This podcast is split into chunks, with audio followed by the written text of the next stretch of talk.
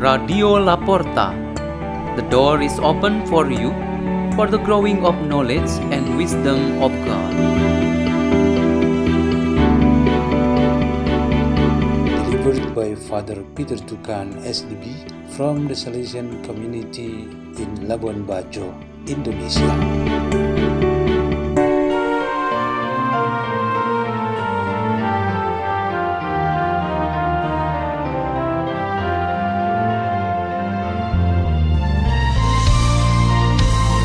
Reading and meditation on the Word of God on Thursday of the 33rd week in Ordinary Time, November 18, 2021.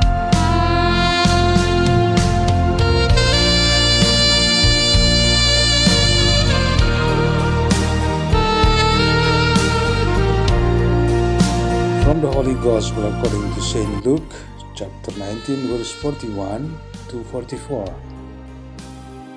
As Jesus drew near Jerusalem, he saw the city and wept over it, saying, If this day you only knew what makes for peace, but now it is hidden from your eyes. For the days are coming upon you when your enemies will raise a palisade against you. They will encircle you and hem you in on all sides. They will smash you to the ground and your children within you and they will not leave one stone upon another within you, because you did not recognize the time of your visitation. The Gospel of the Lord.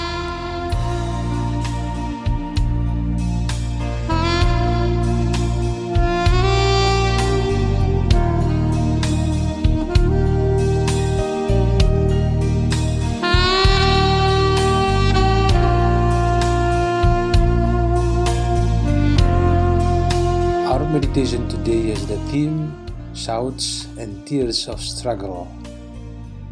The hill, which is now called Dominus Flevit, is not far from where the city of Jerusalem stands, perhaps as far as the birds flying to the next hill. The word Dominus Flevit means the Lord weeps, which in today's Gospel describes Jesus was crying over the city of Jerusalem. From the very clear view of that hill, Jesus shed tears and prophesied about the misfortune of the holy city Jerusalem, the city for the believers. That event occurred just as Jesus was approaching the holy city after days of traveling on foot along the steeply sloping road from the fertile region of Galilee, about 240 miles distance.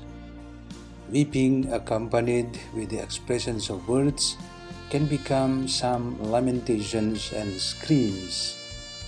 How to do this from the hill would mean that Jesus indeed required that city to heed.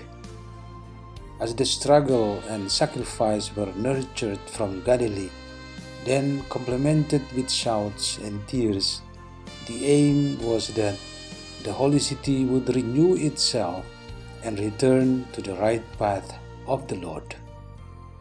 We all believe in the prophecy of the Lord to be something true and valid.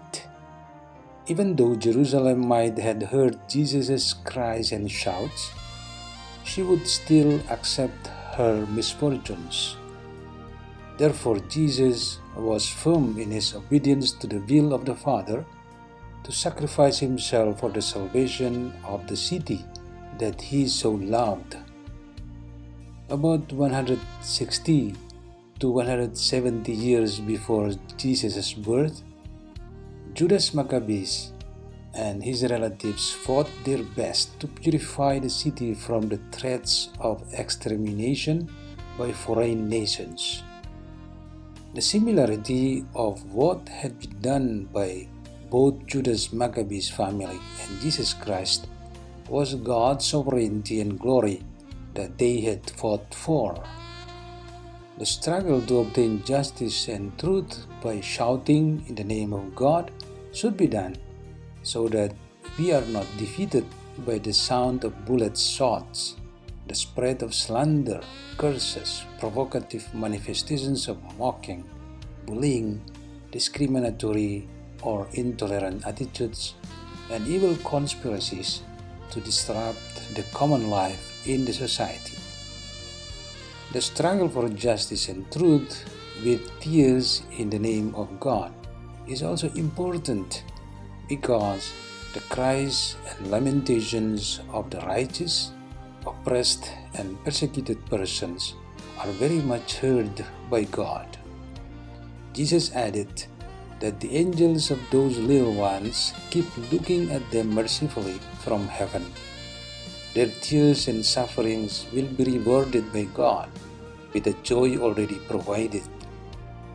In the name of justice and truth, there will be also punishment already prepared for the perpetrators of evil who have opposed God and have destroyed humanity. Let's pray. In the name of the Father, and of the Son, and of the Holy Spirit, Amen. Our most loving Father, listen to our lamentations, cries, and shouts, because only from you we find definitive and correct answers. Hail Mary, full of grace, the Lord is with you. Blessed are you among women, and blessed is the fruit of your womb, Jesus. Holy Mary, Mother of God, pray for us sinners, now and at the hour of our death. Amen. In the name of the Father, and of the Son, and of the Holy Spirit. Amen. Radio La Porta. The door is open for you.